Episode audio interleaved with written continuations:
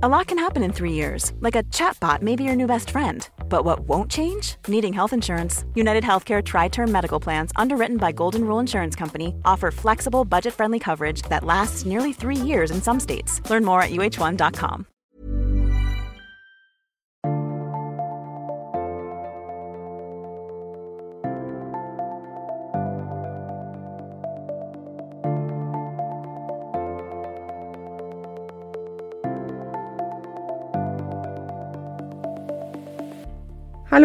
du hører på Ingefær episode 150 med meg, Sara Lossius, og denne episoden er et bokbad av meg selv, gjennomført av journalist i KK og generelt en skikkelig bra dame, Benedicte Wessel Holst.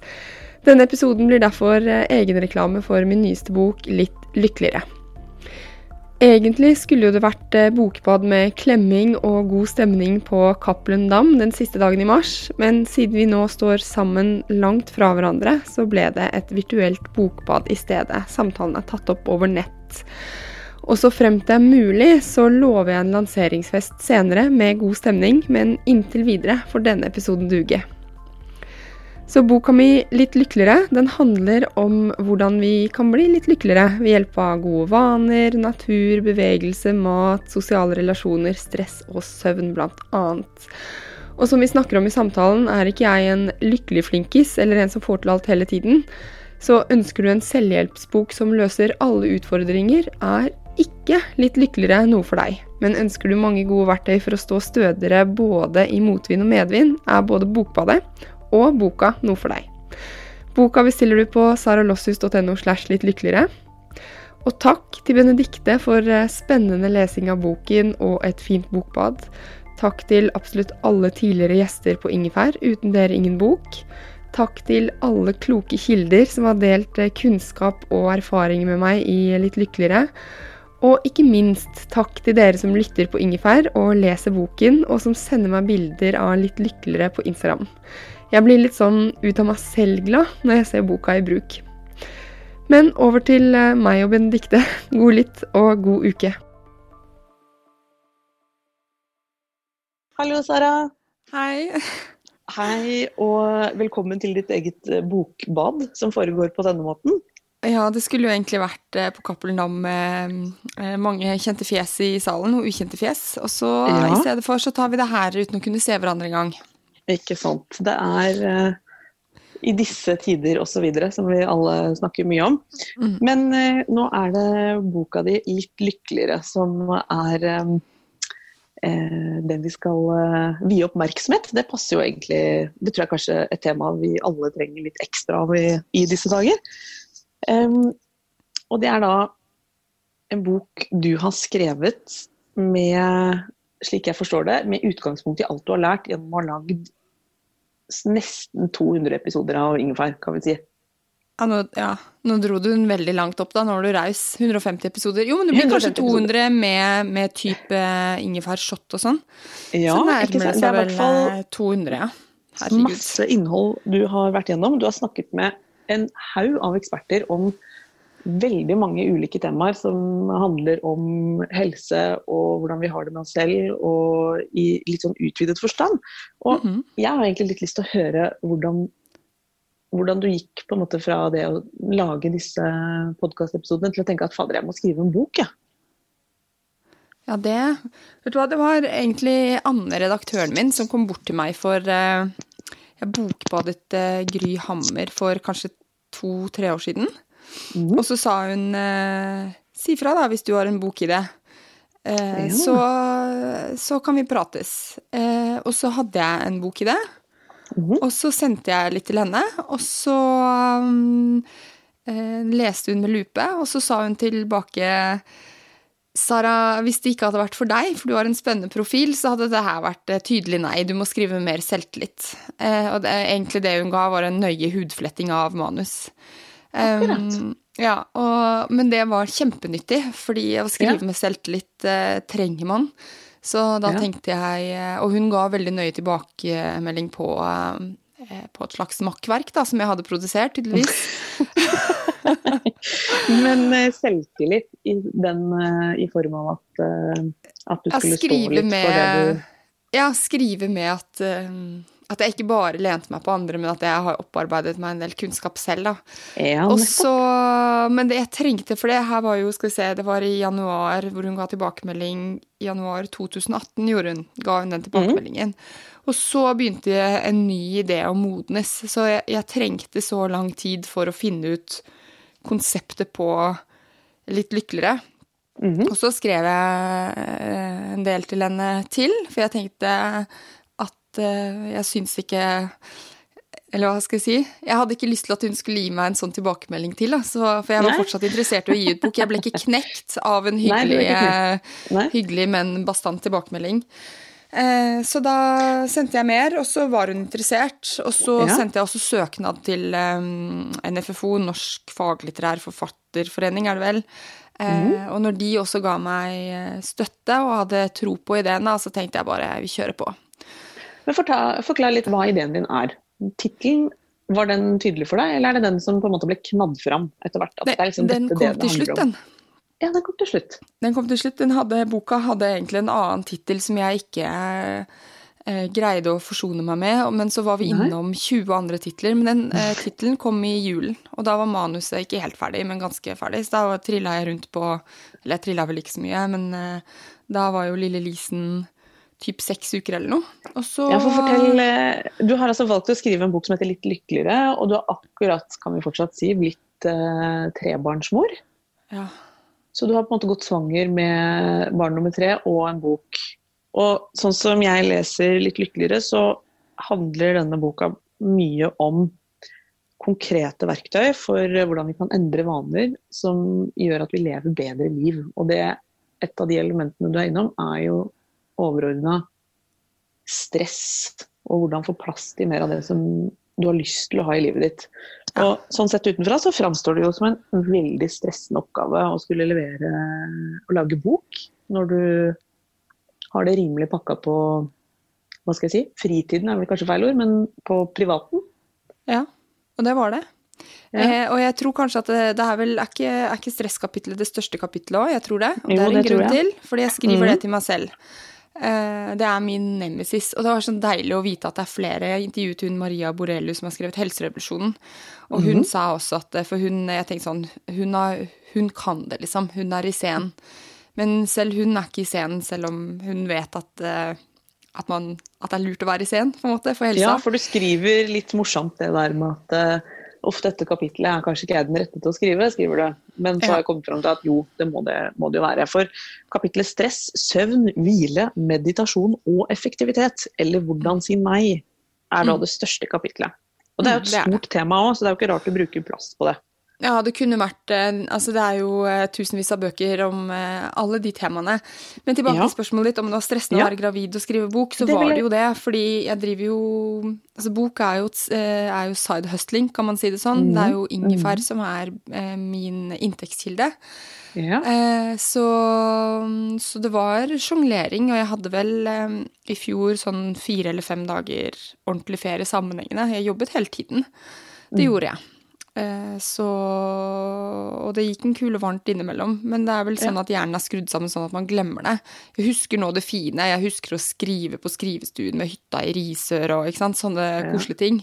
Ja. Men, eh, men, akkurat det med boka, så var det litt sånn å løfte blikket også og se at eh, For jeg hadde så tro på ideen og syns det er så innmari meningsfullt å skrive og formidle. Mm -hmm. Så, så, det var egentlig fint. Jeg syns kanskje det var mer, ikke stress, men det var mye mer krevende å, å ferdiggjøre boken rett etter at Lisen var født, for jeg begynte å skrive på den mm. Eh, da hun var ni dager gammel. Og jeg må bare si, det hadde jeg ikke greid hvis det hadde vært min første unge. Mm. Eh, og jeg hadde ikke greid det hadde ikke Lisen vært en ganske rolig baby. Mm. Eh, fordi jeg hadde liksom vært kolikk, hatt kolikk eller mm. ikke sovet så mye, eller jeg har hatt problemer med amming eller noe vondt, eller noe sånt, så hadde jo ikke det gått. Mm. Så det var liksom all stars aligned for at jeg fikk det til, da. Ja. Eh, og levere Jeg leverte vel manus i når hun var sånn to måneder gammel eller noe, men da ble jeg jo dritdårlig. Den dagen jeg skulle levere manus, så, så, kapitulerte kroppen. Så det er jo ikke å anbefale. Nettopp. Ja, jeg gikk skikkelig ned for telling. Akkurat. Og da fikk du måtte, rett og slett da, da, var det en utladning rett og slett da, mentalt? At du da kunne liksom puste ut på et vis? Eh, ja, jeg tror kroppen viste fingeren, rett og slett. Jeg, måtte, jeg ble sykemeldt fra mammapermen og måtte ha hjelp fra ja. familien til å passe på Lisen. Og jeg, jeg ble kjempedårlig. Eh, så, men jeg visste jo det. Men manuset måtte inn, så jeg bare den dagen hvor jeg kjente sånn mm. Nå er jeg ordentlig dårlig. Så satt jeg stille, liksom, og skrev ferdig manus og sendte inn. Mm. Og det er jo Kanskje man ikke burde gjøre det når man har en helsepodkast eller noe sånt, men jeg tenker at noen ganger så må man få ferdig jobben også. Men så er det kanskje ikke så mange perioder i livet man skal kjøre så hardt på, da. At, man, eh, at jeg prøver å veie det opp f.eks. nå med Nå er det jo intenst med at man har hjemmeskole og sånn for de fleste i Norge, men eh, at man veier det opp. I perioder kan man kjøre på, men så prøver jeg i hvert mm. fall å backe litt unna etter det. As a person with a very deep voice, I'm hired all the time for advertising campaigns. But a deep voice doesn't sell B2B, and advertising on the wrong platform doesn't sell B2B either. That's why if you're a B2B marketer, you should use LinkedIn ads. LinkedIn has the targeting capabilities to help you reach the world's largest professional audience. That's right, over 70 million decision makers all in one place. All the big wigs, then medium wigs, also small wigs who are on the path to becoming big wigs. Okay, that's enough about wigs. LinkedIn ads allows you to focus on getting your B2B message to the right people. So, does that mean you should use ads on LinkedIn instead of hiring me, the man with the deepest voice in the world? Yes. Yes, it does. Get started today and see why LinkedIn is the place to be to be. We'll even give you a $100 credit on your next campaign. Go to linkedin.com slash results to claim your credit. That's linkedin.com slash results. Terms and conditions apply. Normally, being a little extra might be a bit much, but not when it comes to healthcare. That's why United Healthcare's Health Protector Guard fixed indemnity insurance plans, underwritten by Golden Rule Insurance Company, supplement your primary plan so you manage out of pocket costs. Learn more at uh1.com. Kan du si noe om hva du har lært? Eh, dette er jo liksom din reise i det, og særlig liksom det konkrete med å levere en bok i den situasjonen du var. men Eh, når du nå sitter med en bok mellom hendene og, mm. og har eh, prosessert tross alt bare sånn at den som hører på forstår litt hva, hvordan boka er bygd opp, så er det jo, vikt, så er det jo kapitler, seks ulike kapitler om temaer som du for så vidt har hatt gjester som har pratet om, og som har inspirert deg. Og så er det dine egne erfaringer. Men det er, en en kombinasjon av eksperter og deg med din kompetanse. Og så går du gjennom litt sånn trinn for trinn hvordan vi alle innenfor disse ulike pilarene kan eh, hente ut noen tips for å leve liv som vi opplever som rett og slett litt lykkeligere. Og når vi er inne på stress og søvn og hele den pakka der, hva vil du si og, og med din egen reaksjon på det uh, liksom ferskt i minnet, hva vil du si du har lært om det temaet gjennom eh, både liksom det å lage alle disse episodene med ingefær, men også når du skulle skrive det kapitlet. Hva, hva var det du tenkte at du ville ha med? Eh, jo, det kom etter hvert klart for meg at jeg måtte ha med effektivitetstipsene inn ja. der. Fordi mm. eh, Og det er rett og slett som jeg skriver i boken, at eh, det kan være lurt å lære seg å si nei før man sier om. Eh, ja. For jeg tror at uh, deriblant meg òg, at man liksom Ja, men da får jeg bare begynne å meditere, og skal man prøve å klemme inn meditasjon på en allerede overfylt timeplan. Ja, Så for det er noen jeg... ganger det vi sitter og føler litt på, vi som, som noen ganger blir inspirert, da, og tenker liksom Nei, skulle jeg begynt med et eller annet her? Ja, men da bør uh, noe annet ut. At, uh, ja, og det er Fortell om det. Hva, hva er det vi gjør feil når vi på en måte har lyst til å begynne med noe bra? Å, jeg vil ikke si at folk gjør noe feil, da. Nei, vet du hva, jeg tror man jeg Jeg tror det er lurt å ha litt sånn uh, realist, tidsrealist, da. Okay. Eh, Istedenfor å prøve å klemme inn altfor mye på kalenderen. Eh, og i ja. hvert fall eh, kanskje i disse dager. Men mm -hmm. det, det, er kanskje det jeg lærte mest av å skrive boken. fordi i fjor, når jeg da drømmer business, hadde baby i magen og skrev bok, så var mm -hmm. det mhm. veldig, veldig, veldig, veldig mye jeg ikke gjorde. Så jeg oppnådde veldig mye i fjor, på en måte. Eh, mm. Men eh, jeg valgte også vekk kjempemasse. Så jeg tror det er eh, en viktig lærdom i det kapitlet. Er det litt underkommunisert, syns du? Det virker som du framholder at det er litt sånn det var litt sånn eureka-opplevelse for deg at ved å på en måte prioritere noe, som i f.eks. Det er litt gjennomgående i boka di, men innenfor liksom stresskapitlet og alt det vi fyller livet vårt med, så, så er du ganske tydelig på at eh, for å kunne velge noe som gjør godt, så, man, så, må man velge vekk noe. Altså vi klarer ikke alt oppå hverandre. Hva er det du har valgt vekk, vil du si, for å klare f.eks. å skrive bok, eh, og, eller, og for å leve det livet du som gjør deg litt lykkeligere, da? Ja, jeg må si at jeg velger jo ting Egentlig noe jeg velger vekk, gjør meg jo litt lykkeligere. Sånn som jeg velger jo bort venner i litt for stor grad. Det, mm. Jeg gir i hvert fall en koselig takk til de da, i takk-kapittelet mm. av boken. Men mm. eh, min forlover Silje, for eksempel, så jeg kanskje to ganger i 2019. Jeg er fryktelig glad i Silje.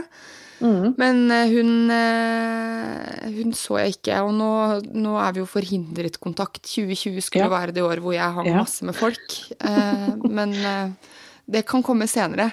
Nei, jeg velger viktig, jeg. Og så um, Hver gang vi har type Eh, jentene da, på syv og fem år har venninne på besøk, så eh, mhm. skammer jeg meg litt over at jeg aldri får fine barnerom. For jeg føler at alle andre har sånne fine barnerom som er koselige huler og mhm. litt Instagram-vennlige og sånn. Eh, det får jeg aldri til.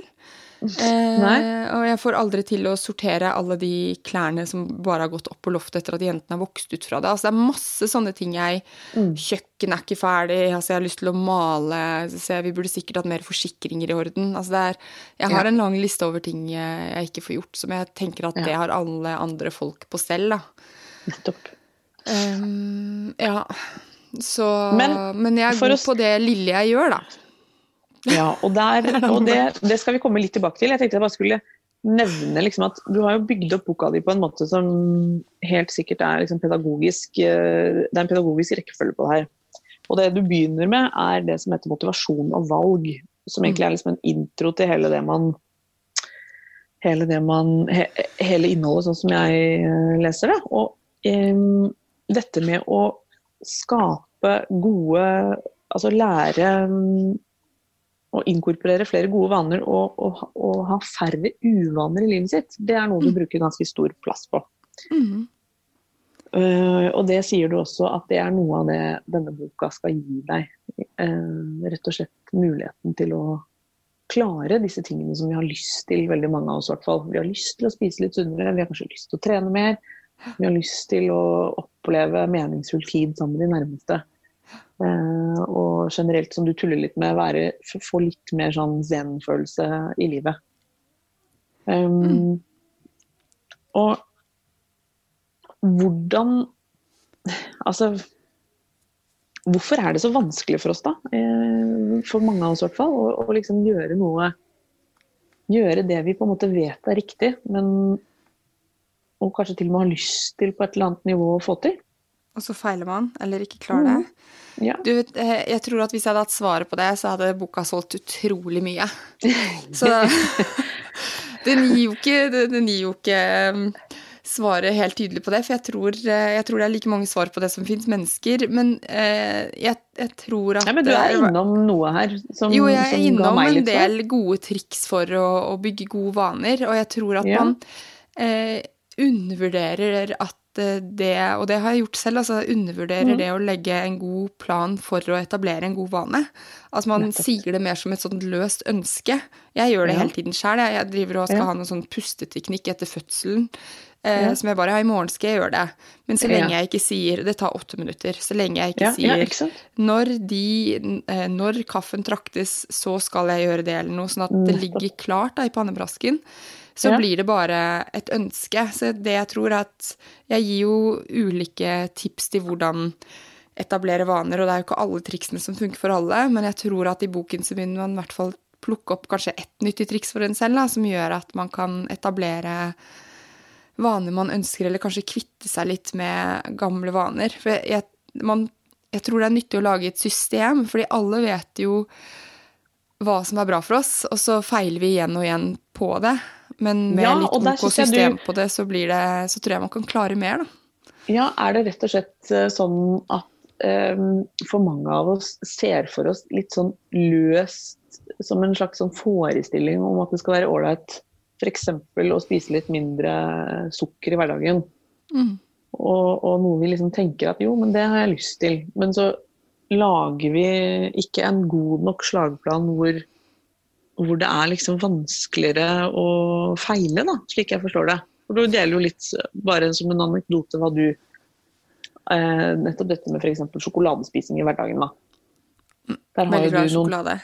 ja, og det er vi jo mange som er. Men, og der sier du at der har du liksom litt konsekvent overvurdert deg selv. Ja, med å og det Forklar hva du gjør. Ja, jo, men det, det som er greia, er at vel, vi, vi er veldig flinke til å overvurdere Ja, du kjente deg igjen i det. Fordi vi er Ja. flinke til å overvurdere oss selv. ikke sant? Sånn som ja, jeg trente ikke denne uka, men jeg greier å trene fire ganger, kanskje fem neste uke. Garantert. Ikke sant. Vi skal Eh. ta igjen for det tapte, og liksom Ja.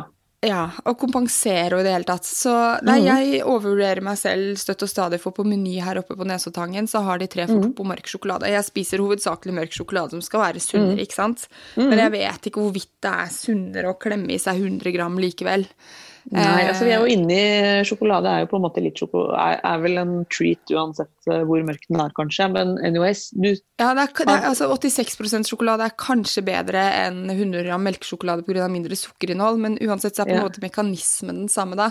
Så jeg Ja. kjøper tre for to, fordi da får man Mhm. jo på en måte én gratis. Og så tenker jeg sånn, det her holder en stund. Og så gir jeg jentene lite grann, eh, Ja. fordi jeg er skada, så de liker mørk sjokolade. Ja. Eh, og, så, og så spiser jeg resten selv. Så hvis jeg ikke skal spise sjokolade, så kan jeg ikke ha det i hus. Og for noen, for noen så funker jo eh, moderation bra, og for noen så funker det å være helt eh, avstående best. Da, så må man finne ut hva man er selv. Men eh, jeg kan ikke ha Ja, så og det er jo egentlig ganske gode tips. Nei, nettopp. Og der kjenner jeg meg igjen litt òg, for jeg har ingen problemer med å ta gode valg egentlig i butikken. Eh, Men eh, hvis, hvis det liksom mot formodning blir tatt med noe derfra Jeg syns i hvert fall det er mindre vanskelig. Mm. Eh, å liksom ikke kjøpe ting der. Men hvis det først har kommet til hus, da føler jeg meg helt forsvarsløs. Da er det sånn Ja, men da Beklager. Da, Ja, men da bør det spises opp sånn at man ikke har det. ja, for eksempel. Jeg har til og med insistert på sånn Etter jul så har jeg vært den som kaster konfekt. I, mens uh, mannen min bare Hva er det du holder på med? Jeg har sagt sånn Beklager, men dette er mitt liv. Dette må ut. Hvis ikke så Det har jeg Det må ut på denne måten. Liksom. Ikke, den, ikke gjennom tarm, for da Ja. Så det Mm. Nok er nok. kjente jeg meg Ja, nok er nok. Det kjente jeg meg Ja. veldig igjen i, og det tror jeg mange Og du går ganske dypt inn i dette med valg, for det er jo litt komplekst det her. Og du er innom liksom hvordan hjernen vår er bygd opp, og, og liksom hva slags systemer vi, vi lager oss for, å, for, for å ta valg, da, som du sier. At vi Mm. driver altså, et, en vane særlig, og når en vane er da etablert, så er det liksom ja, da er den på en måte det du sier automatisert, og den kan være både positiv og negativ. Kan ikke du fortelle litt om det, for det var litt ny informasjon for meg, det der. Det jeg syns det er veldig interessant selv, jeg. Ja. Det er jo Ja. system 1 og system 2 som jeg har tatt fra Daniel Kahneman, som eh, i boken Ja. Mhm. tenker fort og langsomt. Kjempemorsom bok. Eh, og her skulle jeg kunne system 2 og system 1 eh, på hånden. Ja, men det trenger trenger du ikke eh, egentlig. Nei, det som er at vi, vi tror jo at vi tar veldig rasjonelle valg ofte. At Ja. vi tenker mm. langsomt og kalkulert gjennom hver eneste handling vi gjør, men sannheten er at vi har en latsabb av en hjerne som Mhm. elsker å bare skyte fra hofta. Så eh, når vi tror at eh, vi velger noe fornuftig i butikken, så eh, gjør vi det kanskje fordi vi har gjort valgt fornuftig tusen ganger før. Så når vi skal etablere en ny vane, så må det gå fra system to, da, er det vel? Ja. Eller i hvert fall gå fra det systemet som krever veldig mye energi, hvor man må tenke sånn Å ja, Mm. det var nå jeg skulle ha eggerøre. Eh, Ja. Knekke et egg, og man bruker så mye energi på det. Eh, Mm. Og hvis det skal gå til det systemet som går automatisk, så tar det lang tid, da. Mm. Så man må være Det å være tålmodig med seg selv i den prosessen er kjempeviktig for å etablere en god vane. Men Også det er som er den gode nyheten her, er jo at når det først er en vane, da kan du lene deg på at det er en vane. Er det sånn å forstå? At da, liksom, da går det enklere for deg? Ja, men så er det jo sånn at en god vane er jo bare en god vane så lenge du opprettholder den. Mm. Fordi en Handler vane er jo en handling man gjør automatisert igjen og igjen, men hvis man slutter å gjøre den, så, så er det jo egentlig ikke en vane. Så det er kontinuerlig jobb, men det er jo lettere Altså, jeg bruker jo Men ligger det noe Ja, unnskyld. Ligger det noe i dette med å liksom være sånn Vet du hva, jeg til Altså at man på en måte lager noen regler som gjør at det ikke er et alternativ å velge f.eks. Eh, ta fryktelig dårlig valg i eh, Altså at du velger godteridisken framfor grønnsaksdisken, da, for å sette det litt på spissen. Er det, går det an å liksom lage noen regler som er at jeg gjør ikke det, si, eller fungerer ikke det? Det er jo noen som sverger til sånn fullstendig kutt, ikke sant. Altså at man på en måte Jeg rører ikke de og de matvarene, f.eks. Og så enkelt er det. Da er ikke det på en måte et valg du må Det er ikke liksom en argumentasjon du må foreta med deg selv hver, dag, hver gang i butikken, da. Jeg syns jo den er enklest. Men det er ikke Ja. alle som er sånn, og jeg har ikke det. Men jeg har jo, jeg har jo Gretchen Rubin, som er mitt store forbilde i boken på de fire, de fire typene. Som jeg Mhm. synes er viktig, eller kan være nyttig å identifisere seg med om man er en questioner eller rebell eller eh, Ja. de to andre. Men hun, mm. eh, det jeg ikke nevner i boken, som også er interessant, er nettopp det jeg nevnte i stad, det med om du er en eh, abstainer eller moderator, er det vel hun kaller det. Så de de som er en avholder, er jo sånn som eh, elsker sånne ting enten-eller. Altså jeg er en Ja, sånn som ikke spiser regler, godteri. ja. Men de Ja. som er moderator, de eh, syns jo det er eh, Hvorfor kan ikke alt bare spises i moderasjon, sier de. Det er jo Mm. Enkelt å bare ta én bit sjokolade. Ja. Og de som der er abstainere eller avholdere, de hater jo folk som bare Det er jo bare å ta en sjokolade, for de greier ikke det. Mm. Nei. Så jeg syns den eh, Det å finne Handler det om å rett og slett finne litt ut hvilken type man er, da? Og Ja, så prøve å rigge seg litt etter det? Ja. Mm. Og jeg syns mm. også de fire typene som jeg nevner i boken av Gretchen Ruben, har vært veldig nyttig, for jeg er jo da en questioner som setter spørsmålstegn med alt. ja. Eh, Det vil si hvis- spørsmålstegn med hvorfor du skal handle, hvorfor du Som skal liksom gjør. Ja. Ja. jeg drives av indre motivasjon. Da. Jeg syns ikke det er så veldig interessant å få noen som sier at jeg skal gjøre noe, med mindre jeg syns det er nyttig. Eh, så hvis jeg, jeg gjør gjerne vaneendringer hvis jeg syns det er hensiktsmessig, men hvis Jon, mannen min, sier til meg eh, Sara, du skal begynne å ta 50 knebøy hver dag, eh, så gidder ikke jeg gjøre det med mindre jeg ser en eller annen benefit fra det. Mens eh, noen andre av de typene, som f.eks. dreves av ytre motivasjon, bare ok. De greier, hvis mannen sier du skal gjøre 50 knebøy hver dag, så greier de det. Men hvis de selv bestemmer seg for det, så feiler de.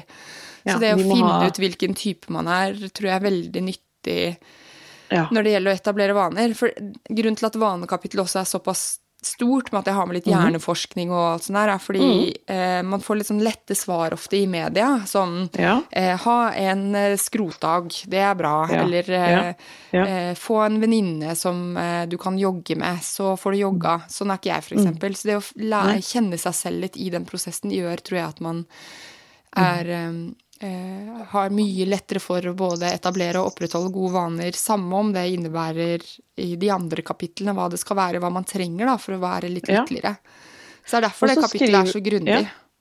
Det er grundig, og det har også noen veldig interessante poenger. Blant annet skriver du at um, jeg tror at mange av oss venter på motivasjon til å gjennomføre en endring. Dessverre kan venting på motivasjon ofte være å vente forgjeves. Hva mener du med det? Ja, Der er jeg litt streng. Du, vet du hva, Ja, det er fordi man fordi ofte venter på er kanskje- motivasjon. Jeg tenker sånn, Ja. i morgen skal jeg bli motivert til å gjøre noe, men Ja. Der Hva er jeg ganske streng motivasjon, også. Ja, motivasjon er jo Det er jo nesten litt uhåndterlig, holdt jeg på å si. Litt abstrakt. Ja, det er kjempemotivasjon. Altså, jeg skriver jo eh, at hvis man har et mål, f.eks., så er det lettere å finne motivasjon hvis man har et klart mål. Sånn som jeg Ja, hadde jo klart denne- mål om å skrive ferdig boken. Da var jeg lettere motivert, fordi man har en retning. Da. Det er det Cecilie Ystnes Myhre som vel også snakker litt om i boken. Hun som har skrevet boken 'Mental styrketrening'. Ja. Og hun er kilde i boken. Men motivasjon er også sånn Hvis man skal ha det noe gjort Motivasjon, ja. Fordi man, man Jeg har svært sjelden Jeg er svært sjelden motivert til det ene og det andre. Jeg Ja, setter det meg syns jeg var litt godt å lese. Syns Ja. du det? Ja, veldig. Fordi jeg tenker også at motivasjon er sånn Det er sånn ord som er veldig sånn eh, viktig. Og, og liksom det å være toppmotivert, det anses jo som en veldig viktig egenskap i veldig, på veldig mange områder i livet. Altså sånn bare les en stillingsannonse. Det er jo ingen som ønsker ønsker Slik får du toppmotiverte medarbeidere. Nei, jeg tror ja, man må få ikke folk til å Eller slik er du toppmotivert på jobben. Ja, men ikke sant? Det blir jo litt sånn derre Å, herregud, er jeg det? Og, og når skal denne motivasjonen bare tynge Det er nesten som inspirasjon. Altså at det er litt sånn eh, Det syns jeg var veldig eh, motiverende å, å, å høre om. Fordi det slo meg liksom det, det å gå og vente på motivasjon som en sånn stor, sterk følelse som liksom skal komme og dytte meg videre i livet. Nei, det, jeg, et eller annet inni meg skjønner at det ikke er så veldig lurt. Ja. Men nå skriver du rett ut at hvis vi er helt ærlige med oss selv, så kommer motivasjonen sjelden når vi trenger den. Ikke sant? Vi er eh, og liksom den der sunne ukesmiddagen når vi er altfor sultne, den treningsøkten når vi er slitne. Hvor er motivasjonen da? Ikke sant? Det syns jeg var kjempeinspirerende. Og kvinne seg opp. Jeg, jeg, tror Jeg setter meg bare ned. Eh, det er ja. min det er som, Altså, man lærer jo ulike teknikker sikkert for seg selv, men for min del så hjelper det å bare eh, Boken ble til med at jeg, eh, jeg satte meg ned, selv når jeg hadde lyst til alt annet, og bare 'nå skal det mm. skrives'. Og så kommer man inn i en eller annen sånn sone. Eller når det mm. gjelder trening, så er det sånn eh, Nå har vi Jeg er veldig heldig som har liksom, treningsfasiliteter hjemme og vant til å trene hjemme, særlig den tiden vi er i nå. Men ja. eh, jeg legger til rette for det. da. Jeg tar på meg treningstøy om morgenen, og så ja. eh, er det lett for meg å trene. Men det er jo ikke, det er ikke alltid jeg syns det er så himla interessant å svinge på den kettlebellen. Men eh, eh, det er noe Jeg bare gjør det på en måte, og så blir ja. det fint etter hvert. Det er i hvert fall sånn jeg har løst det. Føles det bra etterpå. Ja, ja og så noen det... dager så er det jo kjempedeilig å skrive mm -hmm. eller å, skrive, mm. å, slenge på en kettlebell. Men andre ganger så er det jo pain in the ass. Men um, jeg kan ikke vente, som jeg skriver òg. Altså, hvis jeg skulle bare gjort uh, ting de dagene jeg er motivert, så hadde boka mm. hatt uh, et halvt kapittel. Mm. Ja. Men det er uh, Ikke si det til redaktøren min, nei da. Dette er jo veldig interessante innledende poenger som liksom setter litt tonen for hvordan den boka er ment å brukes. Fordi sånn som jeg opplever den, det du har skrevet, så er det jo en bok vi skal føle oss litt bedre av etter at vi har lest den. Fordi må jo være såpass ærlig at det skrives jo mange bøker innenfor det vi kaller kanskje selvhjelp. Som ja. nesten er litt sånn at man blir litt utslitt etter å ha lest det. For liksom åh, dette blir Kommer aldri til å klare det, liksom. Det er jo litt lett å sitte og tenke. Var det viktig for deg at det skulle være litt sånn lavterskel, den boka her? Eh, ja, ja, vet du hva, det var det faktisk. Fordi det, var, det, er flere grunner til det. Og for det første så hadde jeg lyst til å skrive en bok som er sånn um, hva skal jeg si, alminnelig uh, formulert. Mm. Fordi jeg leser ja. veldig mye sakprosa, og mye av det ja. er, uh, er kanskje litt vel akademisk uh, formulert. Så jeg ville nå ut ja. til mange med å ha et Ikke et enkeltspråk, men et tilgjengelig språk, da. men også er det jo sånn noen sånne selvhjelpsbøker så virker det som at eh, forfatter var på et forferdelig sted, plass A, mm. ja. og så gikk gjennom alt i boken, kom til plass mm. B, som er heaven, og aldri sett seg tilbake. Eh, ja. og nå vil frelse verden, på en måte. Mens eh, ja. jeg, har jo, jeg har jo daglig kamper oppi hodet mitt, så hvis jeg skulle være ærlig med meg selv og leseren og, og de som hører på Ingefær, så ville det jo vært veldig dumt om jeg tok B-posisjonen og sa jeg var i heaven, når jeg stadig vekk er nede og skroter i A, mm. liksom.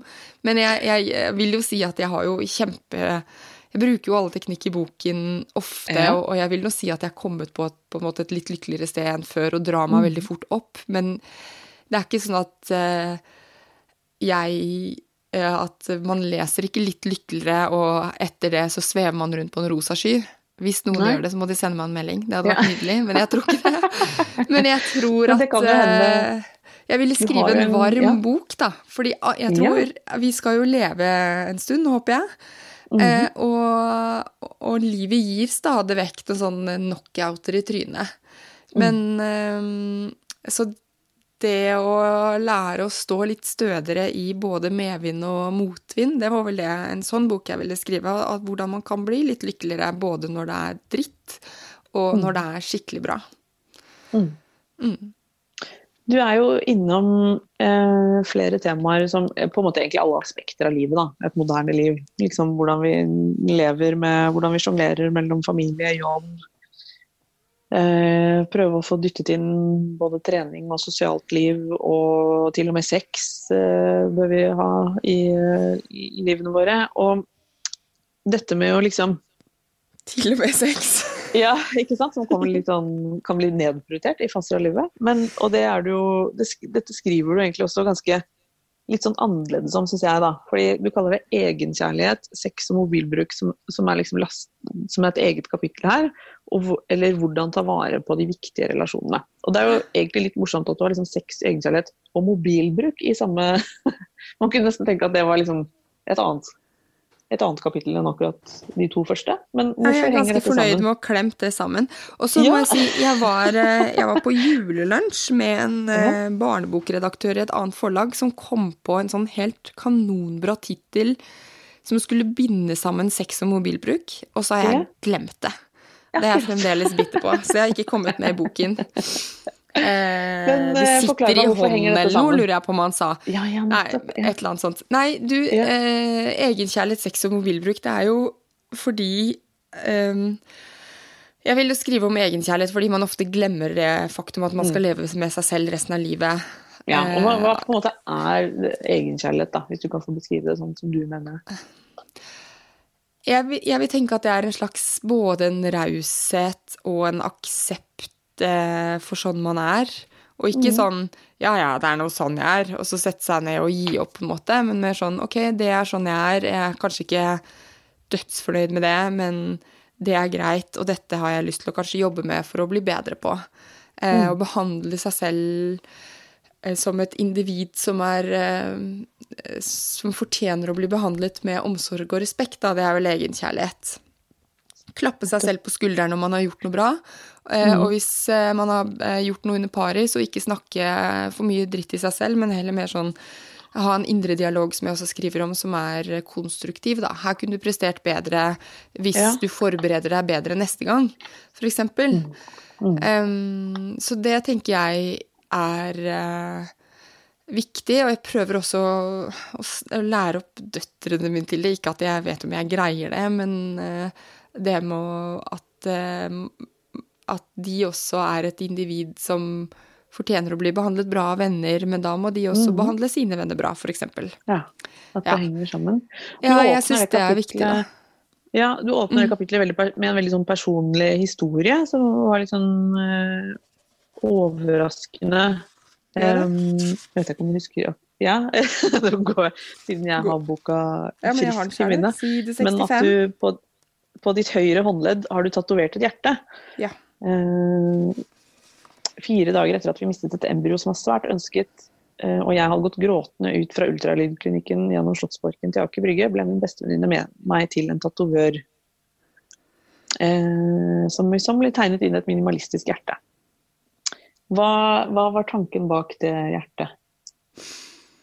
Du, det var vi prøvde på nummer tre en stund, jeg og Jon. Eller ikke en stund, vi prøvde i fire måneder før det satt. Og det, er ikke lenge mhm. for veldig mange eh, i det hele tatt. Men de andre to har bare eh, sittet på første forsøk, ja. da. Eh, og så var jeg på tidlig ultralyd, og så så jeg da at det ikke var et hjerte som manket. Så det var eh, kjempetrist, og mye tristere enn det jeg trodde.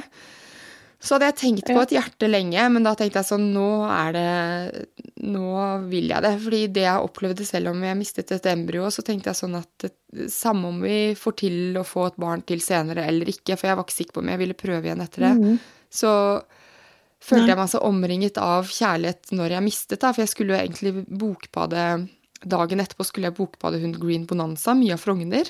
Så jeg, måtte, jeg gikk råten ut av ultralydklinikken og, og, sendte en melding til markedssjefen i Cappelen Dam, eh, samme mm. forlag, da, Linda, om at eh, mm. sorry, jeg har mistet eh, Og Jon, mm. altså alle bare Jeg fikk en sånn eh, bevis på da at eh, at jeg har så mye kjærlighet til livet, og også ja. hvordan jeg reagerte overfor meg selv. på en måte. Så derfor så tatoverte jeg et hjerte inn på hånden. Eh, og det er jeg veldig glad i. Det må tatoveres opp på nytt, og nå er jo ikke det lov om dagen. Ja, nettopp. Sånn har du litt falmende hjerte. Men, men det, det, tanken var iallfall at um, ja, det minner altså, meg på ja, ja. Jeg ser det, jeg ser jo det hele tiden. For jeg liker ikke å ha lange armer, så jeg bretter det opp armene opp. Ja. Så jeg ser alltid hjertet. Mm og altså, mange, mange ganger daglig, samme om jeg skriver eller svinger på en kettlebell eller holder mm. på yngste, eh, så ser jeg alltid hjertet. Og det er en sånn fin reminder på at, eh, at jeg har det fint, da. Og øver mm. på å og være takknemlig. Ja, for, du skriver at i, i denne grunn, Ja, for det var litt sånn fint at du på en måte gikk gjennom alle relasjonene og kjærligheten du har i livet ditt. Og så skriver du også at i denne grunnmuren inkluderer jeg relasjonen til meg selv. Ja. Uh, og at du uh, er den eneste personen du skal leve med hvert sekund resten av livet. Og nettopp derfor er egenkjærligheten så grunnleggende viktig. Mm. Du, vi ble brutt et lite øyeblikk der av tekniske årsaker. Vi kan ikke skylde på koronaen av den grunn. Vi på nettet eh, vi snakket om eh, Ja, vi gjør det. Det er Nesodden-nettet. Litt annen, eh, litt annen standard enn her i byen. Men du, vi snakket om det som heter egenkjærlighet, som jeg tillot meg å si er liksom kanskje det jeg opplever som mest sånn litt sånn uhåndte, Ikke uhåndterlig, kanskje, men litt sånn fremmed. Det å liksom fortelle Det å liksom jobbe med kjærlighet til seg selv. Det kan liksom virke litt sånn Hvis du skjønner hva jeg mener med amerikansk. Ja. Self-love. Eh, ja, self-love. Ja. Selv om jeg åpenbart forstår at det er viktig å ha både respekt for den man er, og liksom ikke være for streng med seg sjæl. for du skriver i det kapitlet at eh, en liten sånn lakmustest er at man ofte er strengere med seg selv enn man ville vært med en venninne som f.eks. sto i samme situasjon.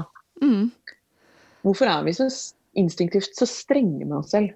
Jeg tenker at man hele tiden vet hva man er kapabel til, og hva man ønsker. Og når vi Mhm. ikke greier å leve opp til egne standarder, så tror jeg det, jeg tror det er helt naturlig å være mer streng med seg selv, fordi eh, vi vet jo ikke eh, hva andre er kapable til nødvendigvis. Så jeg tror det er eh, jeg tror det er ganske naturlig, og kanskje litt med hvordan man er oppdratt òg, jeg vet ikke. Men, men jeg, jeg tenker jo ikke på egenkjærlighet og sånn som at jeg går rundt hele tiden og bare eh, Å, jeg elsker meg selv. Altså, jeg, jeg Nei, kjenner jo på en dypere kjærlighet til Jon og jentene enn eh, når jeg tenker på Sara Lossius Birkelund, eh, mm. så flommer det ikke en sånn elv av kjærlighet gjennom kroppen min. Det bruser ikke i årene. Det bruser ikke i, i blodet, på en måte. Nei, men, men men jeg, liksom jeg blir ikke likevel... kvalm eller føler ikke Nei, vemmelse heller, men det er en slags Nei. sånn eh, eh, nøytral eh, respekt av eh, Mhm. Sånn, eh, sånn er jeg, og det, det er greit. Men det betyr ikke eh, Altså, jeg er opptatt av det der at sånn er jeg, men jeg har alltid lyst til å eh, gjøre Eller aspirere mot noe, da. Mm. Ja, uten at det betyr at nå punktet er dårlig. Men at jeg Nei. aspirerer mot noe, det føler jeg Det er i hvert fall for meg eh, fint, da. Ja. Mm. Du skriver et sted i, når du er inne på dette temaet, så nevner du liksom at da du tok master i London, så hadde du en tysk eh, god venn, og som du også beskriver som veldig smart, som du gikk tur med osv. Og, så videre, og så, snakket, eh, så sa han en gang til deg Why do you always talk yourself down? Ja.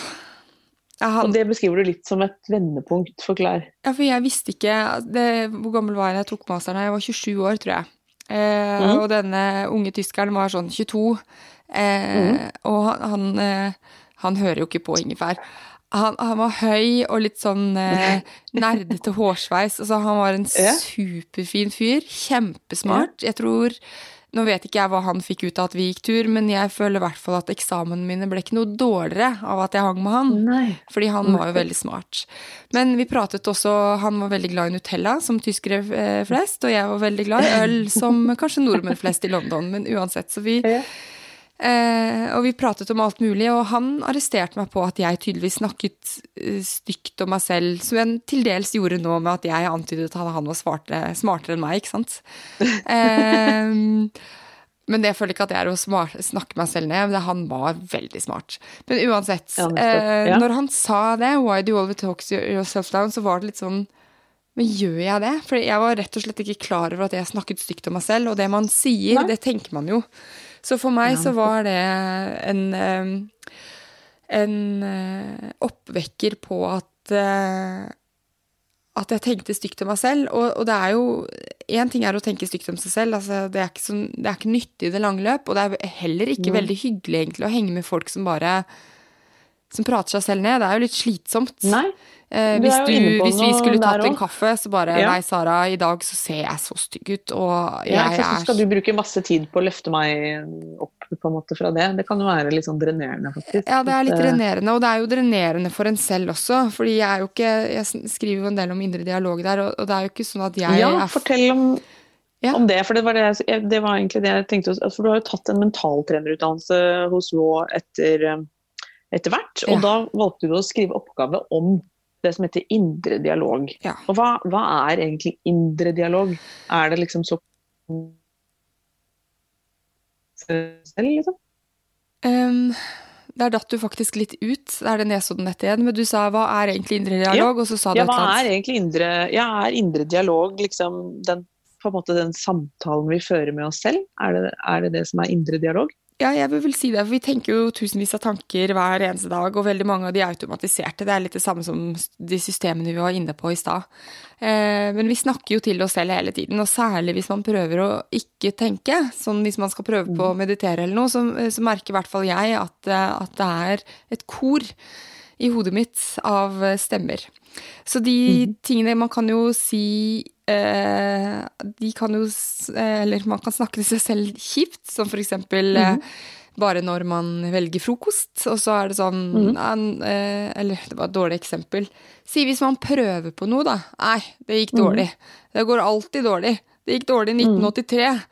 Og siden det, så altså at man, man jeg tror man tenker, eller man tenker veldig mange tanker som man ikke vet at man tenker, men de går igjen igjen og igjen, og det å bli oppmerksom på hvordan man prater til seg selv, er nyttig.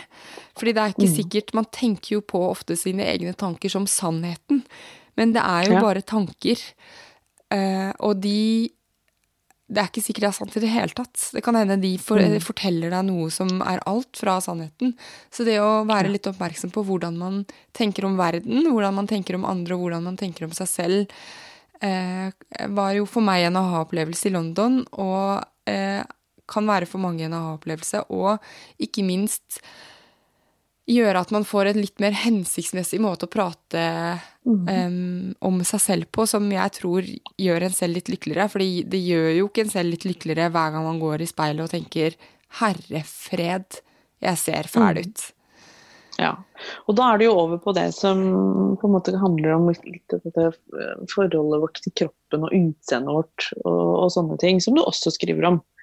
Eh, og at vi kvinner opplever mange forskjellige faser. Altså at vi mm, endrer oss jo, og, og du er ganske sånn du, du nevner vel også dette med at ja, altså kroppen er ikke bare noe vi har, men vi er kropp. Og at kvinner opplever at kroppen er selve livet. Det er ganske Hva mener du med det? Jo, det er Altså Man har jo hatt dette dualistiske synet på kroppen, altså hode og kropp, og at, de, at vi er på en måte magisk skilt ved halsen. Eh, Men så er det jo sånn at vi opplever jo livet gjennom kroppen.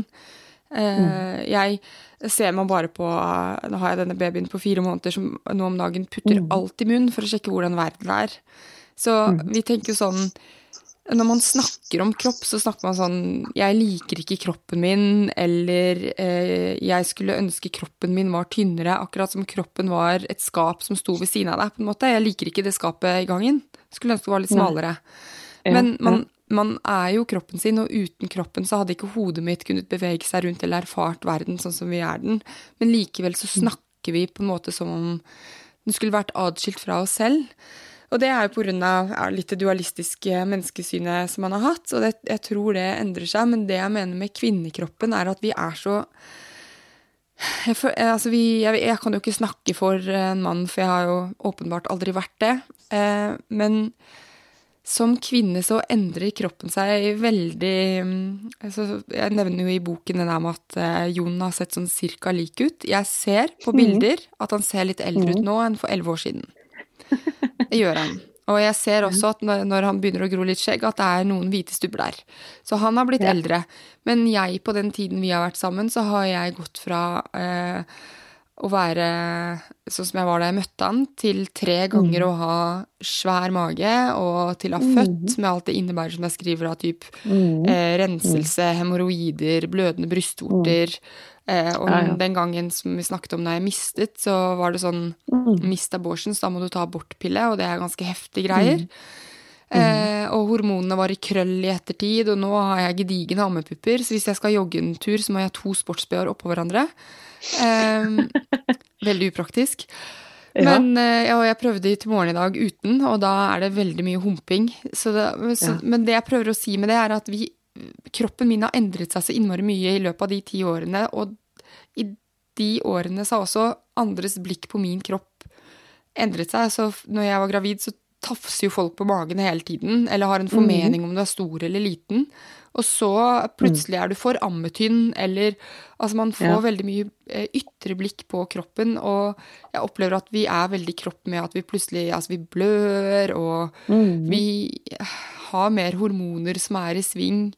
Eh, men vi skal liksom ofte late som vi ikke har det, på en måte. Mm. Og veldig mye av forskningen, det er jo ikke så mye inne på det, men jeg er inne på det i noen av episoder av Ingefær, at mye forskning på helse er gjort på menn, sånn at det ikke nødvendigvis ja. funker på hvordan oss kvinner er. Eh, og så skal vi, eller ikke skal, men ofte så tror jeg man bedømmer kroppen sin veldig mye utenfra. Den burde være sånn eller burde være sånn istedenfor hvordan den faktisk er. Og særlig nå som vi kanskje lever i et mer visuelt samfunn samfunn enn det man gjorde når vi var, når vi var unge, Benedicte. Når vi var yngre, da. Mm, ja, ikke sant. Og her kommer jo liksom eh, I dette kapitlet hvor du skriver om dette temaet, så er du også innom eh, sex og, som vi også nevnte, mobiltelefonen inn i denne pakka. Mm. Eh, og med liksom alt det som skjer med kvinnekroppen gjennom et liv, eh, og, og, hvis man tar utgangspunkt i at man er sammen med en partner, da, mm. hva da skriver du også dette med at liksom, den intimiteten man har gjennom seksualiteten, den blir liksom utfordra av en god del ting. Det er både det hvordan man ser på sin egen kropp, og kanskje hvordan man opplever andres blikk på den.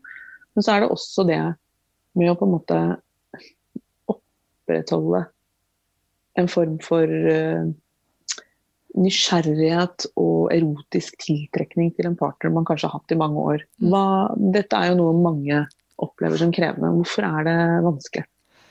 Eh, og, hvor, og, hvordan kan det eventuelt være liksom, Hva er nøkkelen for å liksom røske litt opp i det? Ja, nå er ikke jeg noen samlivsekspert, men det jeg snakker om i den eh, eh, Og jeg, tror, jeg, jeg, bruker jo meg selv litt i boka, men jeg må bare si akkurat i sexdelen her, så er ikke jeg personen, altså meg, veldig til stede. Nei, det, det skjønner jeg. Ja, så det var et uh, Men temaet er ganske Temaet er kjempeviktig, allment. fordi det ja. er jo Altså man, jeg i hvert fall føler meg jo ikke som en sex-goddess eh, eh noen måneder etter fødselen, f.eks. Nei, og det gjør vel de, de færreste gjør vel det. De færreste kanskje... vil jeg tro gjør ja. det. Eh, men jeg henviser da til Esther Perel, som er en amerikansk psykoterapist, der hun vel hun snakker om at eh, Ja, og hun er ganske kjent. Hun har skrevet en rekke bøker, som, og det er et navn som kanskje noen av de som hører på, kjenner igjen. Men hva er det som hun, hun fram, som du sa nå, altså hun er en du løfter litt opp. Ja, Hva er det som gjør jeg løfter jo mange opp i boka, håper jeg, men hun er en av de. Jeg, hun håper jeg kommer på ingefær etter hvert. Hun snakker om at uh, det mystiske er der hvor erotikken ligger. ikke sant? I begynnelsen når man er forelsket, så knuller man jo som kaniner. Uh, mm. Fordi man stadig vekk blir kjent med nye sider ved partneren, og liker han meg, liker han meg ikke, mm, eller hun. Eh, og, men etter hvert så kjenner man jo partneren sin veldig godt. Man vet når partneren går på do. Eh, så man er over en helt annen fase? Man er over en egen fase. Og, og det Ester Perel, Perel, mener, da, er at trygghet ikke er sexy i det hele tatt. Fordi eh, Så det å opprettholde den eh, mystiske delen er det som eh, kan gjøre at vi har mer lyst til å knulle som kaniner ja. i litt moderat form, da kanskje etter hvert. Ja. Eller opprettholde liksom seksualitet, at den ikke forsvinner for ja. forskjell. Altså sånn i faser i livet. Da er det jo Nå husker jeg ikke liksom statistikken på det, men det viser seg jo at småbarnsforeldre er jo litt utsatt for at det stopper litt opp av naturlige årsaker. At det blir altså man, Man sliter, ja, man sliter med å finne den tiden, og litt som du snakker om motivasjon, inspirasjon, tenning. Altså det henger jo litt sammen at man venter på noe som kanskje ikke kommer. Ja. Hva er det man sier der? Use it or lose it. Det har jeg hørt. Jeg, den skriver jeg ikke. ikke sant? Nei, men der, jeg tror det er viktig der, like jeg, hva skal jeg si, men i hvert fall det Esperell mener, er å kunne se seg selv eller se partneren sin litt utenfra. Så det å opprettholde eh, til en viss grad litt sånn e egne interesser. Eh, og se mm. partneren litt utenfra. Det være seg om du liker å se partneren trene, eller om du ser partneren ja. fordype seg i noe, eller altså og jeg tror det handler om at man fortsetter å se på personen som et et spennende individ, og ikke bare drifting av AS hverdag. Det tror jeg er Det er vel det hun snakker om også. Uh, ja, så prøve å utfordre den tryggheten litt. Og der tror jeg kanskje at det gjelder å være obs på det, sånn at man uh, er i den sone at man er litt leken, da. Jeg vet ikke. Mm. Ja. Men så Men er det jo jo Jeg vil jo da- også si at man Det er også litt sånn respekt for situasjonen man er inne i, fordi i perioder så er man sliten, og hormonene Mm. er ikke med på lag, og noe som helst. Å godta det At Ja, kanskje dette er det er sånn, uten at det skal bli stress. Ja. Ja. For dette er jo også et felt som fort kan bli et sånt åh, enda et felt jeg ikke presterer på, liksom. Der jeg vil prestere. ja. Um, Og og da er gjelder det å liksom senke Ja. Eh, Det er en grunn til at du har med mobilen inn i det kapittelet som handler en god del om seksualitet og, og nærhet. Hvorfor har du for det? Hva er det mobilen gjør med oss? Nå om dagen så må jeg si at mobil er veldig fint, for vi facetimer jo med familie. En helt ypperlig måte å beholde kontakten med de man er glad i, uten å kunne se de. Jeg syns det er helt supert. Men eh, mobilen har jo også eh, gjort altså det, er jo ikke, det er jo bare i 2007 siden iPhone kom. Og vi, når jeg var tenåring, så ringte jeg fremdeles hjem til eh, venninnene mine. Og hvis de spiste middag, så måtte jeg ringe tilbake senere. Mens nå ringer man alltid rett til en person. Eh, og man går alltid, når man sjekker kartet, så er man alltid på, eh, i midten av kartet selv. Så det er, og det er ikke det at alt ved mobil er jo ikke dårlig, det er bare annerledes. Det har endret veldig mye av hvordan vi kommuniserer på, hvordan vi kommuniserer med verden. Og så snakker jeg med Thomas Hylland Eriksen der, og han viser jo til forskning som sier at det man, de man kommuniserer mest med, er jo de man allerede er glad i. På en måte så det styrker jo de tette båndene, så man sprer seg ikke på Ja. veldig mange løse bånd. Og, og det syns jeg er veldig interessant. Men det som er med oss mobilen, er jo at den er jo alltid det, Den tar mye av tar, eller Skjerm tar tid fra det som er bra for oss. og det har jeg snakket med Anders Hansen i en tidligere episode, sånn som bevegelse, søvn og personer, personlig relasjon face to face. Men så tar den også oppmerksomheten vår. Eh, og vi blir mer, mindre empatiske når vi har en mobil mellom oss. Eh, og den gjør jo også ofte at når, og jeg tar meg så selv i det her kjempeofte, at jeg titter på mobilen selv når jentene prater med meg fordi jeg skal sjekke et eller annet på Instagram eller et eller annet.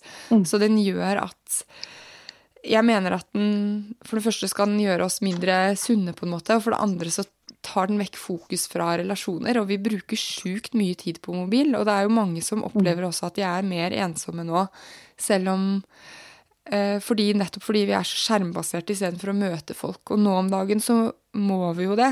Men det å være obs på egen mobilbruk og lage litt regler for hvordan man bruker den på en smart måte, er eh, kjempeviktig. Og jeg tror det kommer til å komme mer og mer også. At man blir, For vi skriver om at vi er skjermrestriktive ikke sant, i boken. ja. Eh, og vi har løsna litt opp nå i koronatider. Eh, også når jeg har opptak. Jeg tror de er på iPad oppe nå, fordi da Ja. er de stille. Men til, til normalt så er vi ganske strenge på skjerm, for eksempel. Har du fått reaksjoner på det? Har det opplevdes Tror du andre har syntes at det har virket strengt, eller? Eh, nei, vi har, vi har ikke flagget det så høyt, hvis Nei. du skjønner. Eh, og det har funka for oss. Men det er, jeg merker at det er litt At når Ellie begynte på skolen, eldste, så er det Mm. plutselig veldig mye hun ikke har sett. Og i samtaler, når folk, når eh, noen i klassen snakker om spill og sånn, så er hun helt blank. Så Mm. jeg lurer på Altså det er lett på en måte å være rigid på mange ting når de er mindre, men etter hvert så eh, løsner vi opp også fordi det er en del av det sosiale, da. Ja. Men vi har ikke fått noe Og negativt du- på det, nei.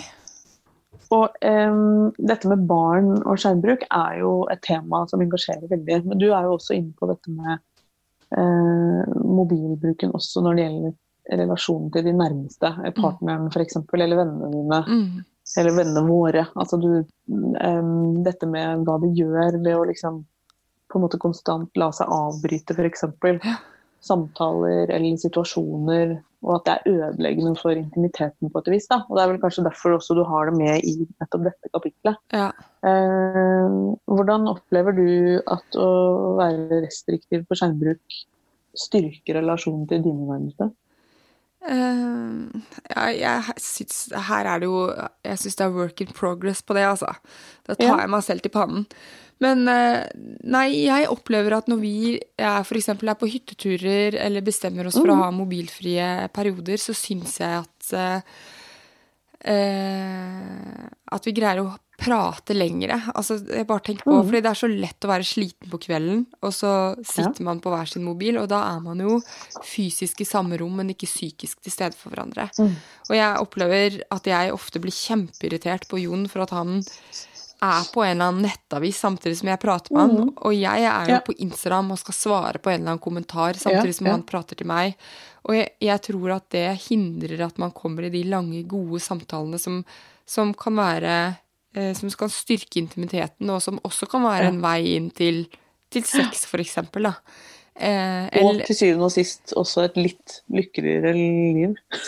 som tross alt er overordna her. Ja, da tok du den. Takk. Ja, jeg tror det. Ja. det. ja, det tror jeg. Og, men det er, det er, også vanskelig da, når man er sliten eller nå om dagen hvor man er frustrert eller kanskje stressa eller er blitt permittert og sånn, mm -hmm. så er den Men jeg opplever at i hvert fall sosiale medier ikke gjør meg lykkeligere. Nå er jeg ganske nøye på hvem jeg følger, ja. men uh, uh, være obs på hvem For man sammenligner seg alltid oppover. Så, og ja.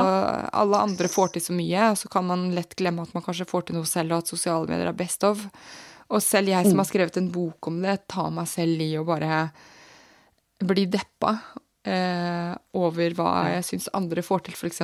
Eh, så jeg tror det er en sånn kontinuerlig greie å ha oppi panna og tenke på det, da. Og være oppmerksom på det. Du har to andre temaer du også på en måte er innom i en slags sånn hvis man skal se på boka som en liten oppskrift. Og de kan jeg komprimere litt av tidshensyn også, men det handler om å bruke naturen rundt oss som en litt sånn instant lykkepille. Og du vier også et eget kapittel til eh, betydningen av et eh, kosthold som funker. Ja, også trening og bevegelse. Um, og trening og bevegelse. Ja. Uh, og dette er liksom Dette med å Hvor viktig er f.eks. trening og bevegelse i ditt liv? Hva hadde du hva, Hvordan gjør det Hva gjør det for deg? Uh, det tenker jeg det gjør at jeg føler meg uh, bra. Hva skal jeg si da om det, da? Det er, det er, jeg er heldig da som er vokst opp med en aktiv familie, fordi da får man jo mm. bevegelseskapital tidlig inn. ikke sant? Fikk det inn med morsmelka, omtrent. Ja. Eh, og det Det legger jo det gjør jo voksenlivet lettere. Jeg skriver jo ikke om det i boken, men det er liksom man, man eh, utvikler jo mot motorikken og sånn de første årene, og så er det kondis ja. eller noe sånt når man er litt eldre. Ja. Og jeg trente jo masse i tenårene, jeg, og jeg har jeg har fått veldig, veldig mye for deg. Ja, jeg har fått kjempemye gratis med en aktiv familie. Eh, og, mm. I og med at jeg lett bygger muskler igjen og eh, altså jeg har eh, Og lett finner glede i å trene, selv om jeg nå har begynt å jogge igjen, og det er helt forferdelig. Så vet jeg mm. at eh, at et sted er fremme, så er det deilig, da. Jeg trenger ikke, jeg trenger ikke uh, ljuge til meg selv og tro at Eller altså, jeg vet at joggeformen der fremme, når den kommer, er uh, veldig nydelig sted å være. Så jeg er heldig sånn sett. Men trening og bevegelse det er jo noe veldig naturlig for meg. Men det er også noe jeg aktivt bruker for å føle meg bedre eller sterkere eller mer fokusert. Mm eh, og så er du ja. ganske tydelig på at du ikke At du har på en måte måttet justere litt på hva du på en måte fikk pakka inn av dette ja. før, og hva du eh, har tid til rett og slett nå, med tre barn og jobb og hele pakketet. Eh, og nå har du kommet fram til, slik jeg forstår det, at litt er bedre enn ikke noe. Ja, du, det der snakket vi om i går, jeg og Jon. For vi, vi gikk bort på Bergebanen her på Nesodden, og så løp jeg noen mm. runder i særdeles sakte tempo. Og så sparket mm. vi litt fotball med jentene, og de var med å løpe noen runder, de òg. Eh, mm. Og vi Altså, når jeg traff Jon, så var han en ordentlig biff. Eh, og nå er han eh, Hva skal jeg si? Han, er, han, er, han har potensialet. Det høres jo, Han har ikke blitt en potet, det er ikke det.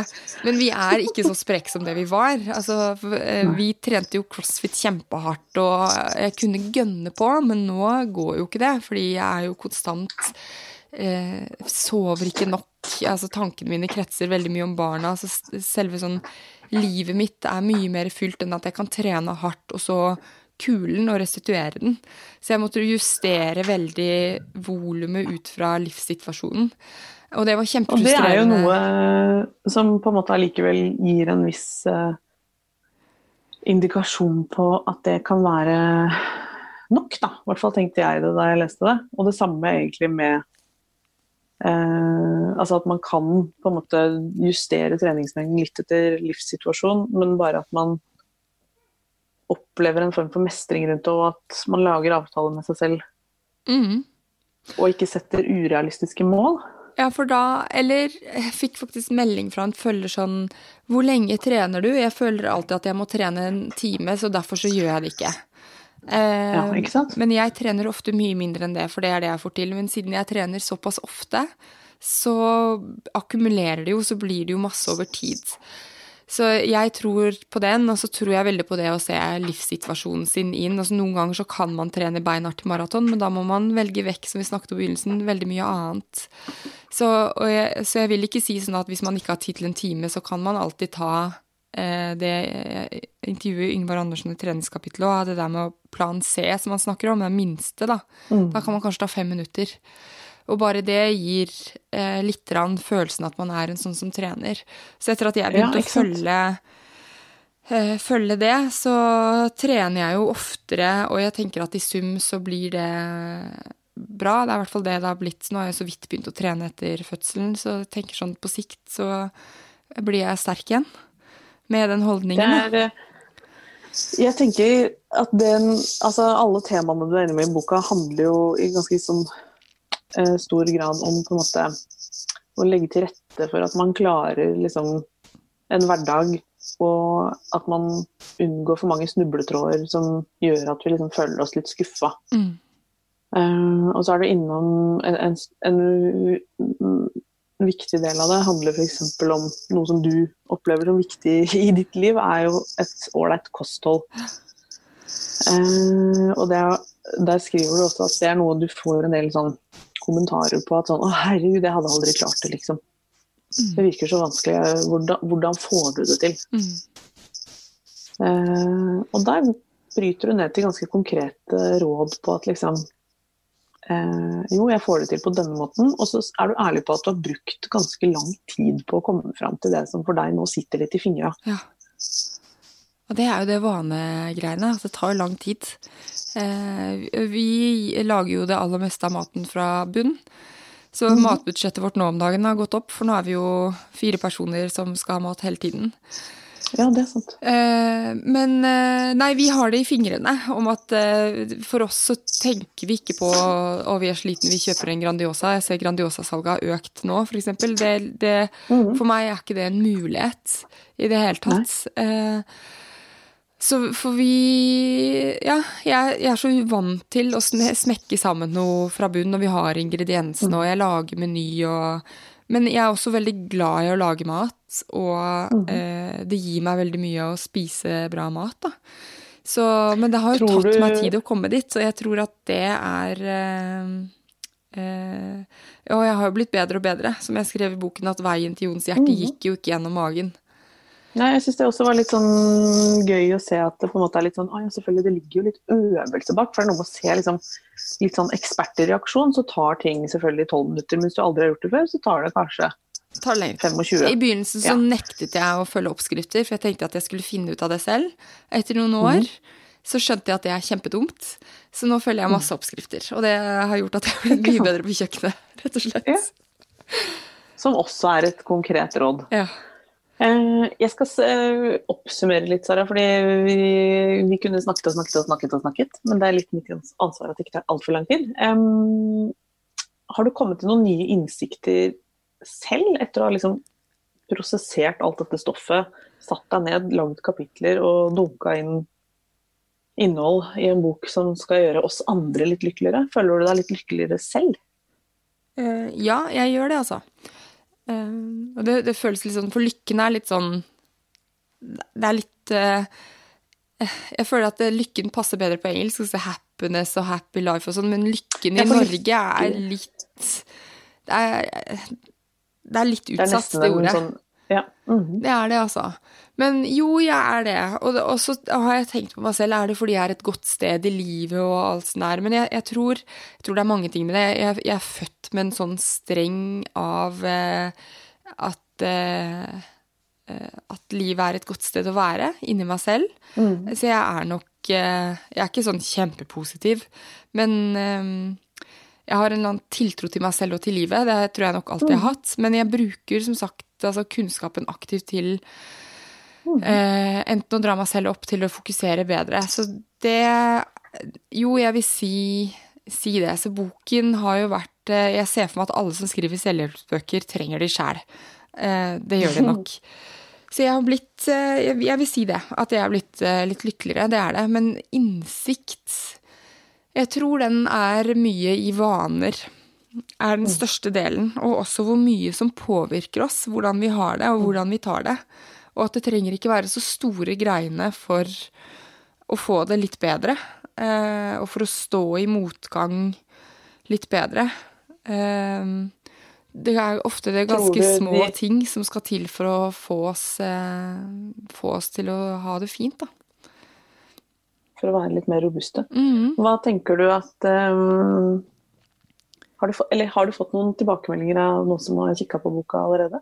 Nå er den jo forhåndsbestilt i stor Jeg har fått flest sånne koselige Instagram-bilder.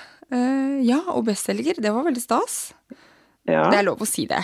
Kom, ja, selvfølgelig. Og nå kommer det jo til å være mange som leser den her. Hva er det du egentlig liksom har tenkt hva, hva skal være det man sitter igjen med etter å ha lest boka di? Uh, at uh, jeg håper at um, det vanekapitlet, at man lærer mye hvordan, og så at man finner ut uh, hvilke av de andre kapitlene som er nyttig for en selv, og bruker mm. det. det. Og så ja, håper jeg boken lever lenge, sånn at man tenker sånn Oi, nå var det det, at man kan gå tilbake og lese litt i den. Ja. Eh, ja. Var det hos deg eller hos meg?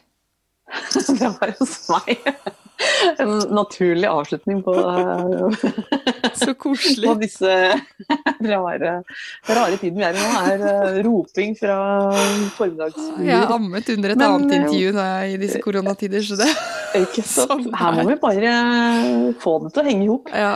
Men um, tusen takk for prat og for veldig mange gode tips i boka, må jeg si. Det er virkelig bare å, du som du sa, altså. gripe tak i det som passer en best også litt. Altså, sånn, man vet jo selv hvor man har noen utfordringer, og hva man kanskje føler man har litt på stell. Så er det egentlig veldig sånn håndterlig, nyttig og litt lavterskel, og veldig lite sånn formanende strenghet, og godt begrunna. Du har jo snakket med en haug med flinke folk. Ja, de har delt raust, altså. Det har vært utrolig Veldig. koselig. Men jeg, jeg, jeg, jeg håper man... at det er lavterskel, men ingen hvilepute. Absolutt ja. ikke hvile. Jeg får veldig mange ideer, og, og opplever også at det er um, uh, ja, altså mye å ta fatt i, samtidig som man får lyst til å gjøre det. For det framstår som ganske håndterlig, rett og slett. Ja, det er godt. Og egentlig mange bøker i én, da, vil jeg jo si, fordi det er så mange temaer du er innom. Ja. Så til deg som hører på, så er det veldig mye å dyppe, dykke ned i. Det er godt å høre at du likte den, Benedicte. Nå skulle ja. jo vi egentlig skålt etter det her. Ja, nå skulle vi tatt oss et glass vin og mingla med fansen din etterpå. Men det får bli senere. Det, jeg tenker å ha Jeg skal jo ha en eh, litt lykkeligere fest 2.0. Eh, så selv om du ikke blir bokbader der, så, så, håper jeg du kommer, og så får vi Ja, da kommer jeg. Garantert. Ta det da. Uh, ja. ja. Og det gleder jeg meg til. Fortjener, du fortjener en fest etter denne innsatsen, Sara. Takk. Livet er jo en fest, men vi fortjener en ordentlig fest. Nå får, du gå, nå får du gå til kiden din, og så får jeg gå jeg til mine tre. Yes. Takk, Benedicte. Ok. I like måte, Sara. Ha det. Det var episode 150 av Ingefær podkast med Benedicte Wessel Holst og meg, Sara Lossius. Inntil vi høres igjen, ta vare på deg selv og de du er glad i, og hvis du ble frista, så kan du altså kjøpe boken på saralossius.no slash litt lykkeligere. Ha det!